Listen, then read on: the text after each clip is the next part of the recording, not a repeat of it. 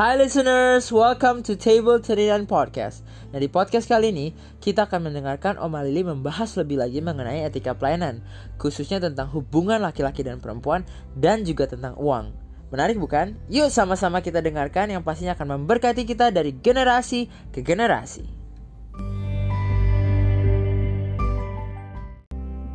Kedua hubungan. Hubungan laki-laki dan perempuan itu penting kita jangan sembarangan. Ah saya pendeta ya kan? Nggak bisa. Misalnya saya mesti konseling pria terus saya hadapin sendiri. Jangan sombong. Kita ini manusia. Jadi setiap pelayanan apa pun saya selalu ajak suami saya. Dan saya bersyukur akhirnya dia jadi pendukung saya. Dia jadi apa ya eh, backup saya. Contoh satu kali saya pernah diajak uh, didatangin sama seorang hamba Tuhan, pendeta. Istrinya aku ajak pergi persekutuan di mana suaminya tuh bawa firman di situ. Tapi suaminya nggak suka istrinya pergi. Jadi dia tanya, siapa yang ajak kamu ke situ? Lili. Jadi dia dia datang ke rumah saya. Saya bilang sama suami saya, Pak, saya mau diomelin loh sama pendeta. Itu pendeta kita. Saya mau diomelin pendeta. Tenang. Dia sudah, akhirnya aku keluar. Dia datang betul. Aku keluar suamiku duduk kayak begini. Jadi aku di sini sama pendeta dia di situ. Kira-kira bisa nggak tuh pendeta ngomelin saya? Di situ aku bersyukur sekali sama Pak Andi betul. Saya bersyukur sama dia. Di mana pun ya saya melihat uh, bagaimana tuntunan dia uh, tuntunan Tuhan melalui dia uh, apa membimbing saya juga kadang waktu saya mulai mengajar itu saya juga nggak bisa. Saya bilang saya nggak mau karena saya nggak bisa. Saya nggak bisa ngomong di depan orang. Dia bilang enggak kamu bisa. Coba. Kamu bisa kok. Saya bilang saya takut kalau ditanya kamu bisa? Dia bilang akhir sampai berapa? Hampir 20 tahun saya ngajar. Nah itu hubungan. Jadi jangan kita pikir kita hamba Tuhan sudah kebal iblis paling jahat di situ. Gak apa-apa, mulai-mulai kasihan. Kan mulanya cuma itu doang, kasihan dia nggak pulang nih dianterin, kasihan. Makanya satu kali ya saya uh, lagi semi uh, lagi apa? Lagi retret. Terus ada pendeta di depan saya. Saudara-saudara, ini wanita semua nih, kaum wanita. Lagi retret. Kalau Anda mau cari jodoh, carilah pendeta berdiri lu saya. Enggak jamin. Pendeta enggak genit. Ketawa dia. Saya bilang enggak jamin pak. Saya bilang gitu. Sama manusia juga betul. Suaminya nggak ada eh, istrinya nggak ada kawin lagi. Kan aneh itu. itu. Itu yang saya jaga. Saya paling takut dengan hal itu. Karena kalau kamu di dalam keluarga tidak beres jangan ngomong pelayanan karena orang nggak akan lihat apa yang kamu bicarakan. Tapi orang akan lihat kehidupan kamu dari apa yang kamu bicarakan. Sama nggak apa yang kamu bicarakan?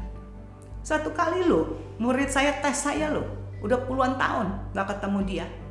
Terus sampai akhirnya saya diketemukan, dia bilang, Bu, Ibu kan ngajar karakter. Ibu kata sudah mengampuni dia. Tolong deh ketemu sama satu ibu ini. Saya bilang, nggak apa-apa, ketemu aja. Sudah, akhirnya ketemu, aku bilang, Tuhan aku aku bilang juga sama suamiku gue bilang ntar nggak mau ngomong ya mau diem aja.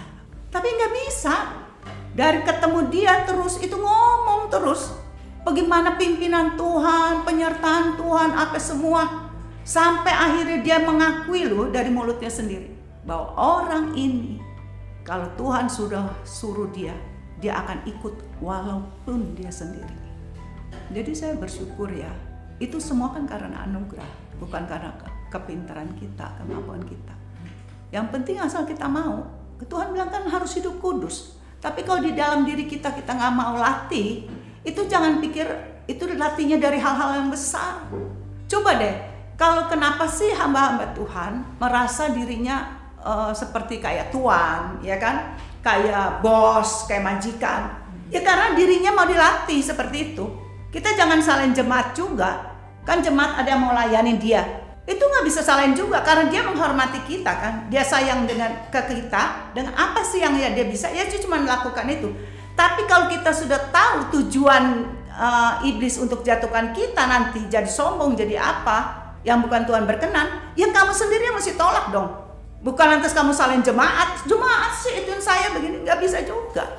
Itu itu yang saya latih. Makanya ke mana saya pergi saya tidak pernah mau dibawain apa pun. Tas saya kayak enggak, saya bawa sendiri. Saya bilang enggak, aku masih kuat kok. Kecuali aku pakai tongkat kali ya. Terus uh, itu wanita ya. Jadi jangan pernah mau konseling itu berdua. Itu harus ada pasangan kita atau pasangan orang itu. Dan yang ketiga, kita di dalam pelayanan. Ini etika yang tidak pernah ditulis. Jangan soal hak uang. Saya tidak pernah biasakan diri saya di dalam memegang segala sesuatu itu ada saldo. Saya tidak pernah mau. Kenapa? Saldo itulah yang membuat orang lupa diri. Saldo itulah yang akhirnya memecahkan yayasan. Saldo itulah yang akhirnya membuat memecahkan hubungan apa pun. Sebegitu Tuhan suruh, itu aja biayanya. Sudah. Satu hari kan aku kan dulu kan uh, buku itu kan dari Polkaram ya.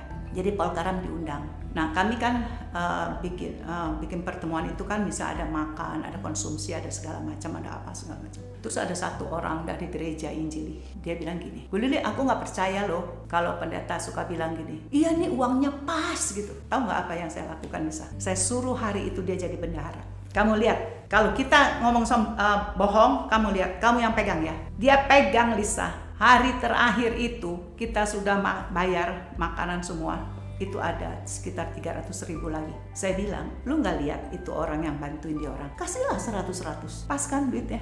Dia bilang, bu aneh ya, kok bisa ya? Bisa. Kenapa? Kenapa saya bilang kita tidak punya saldo? Supaya kita ini jangan tergiur dengan uang. Jangan tergiur, jangan tergiur dengan memikirkan diri sendiri deh. Itu urusannya Tuhan dan namanya kita pelayan dia, kita hamba dia.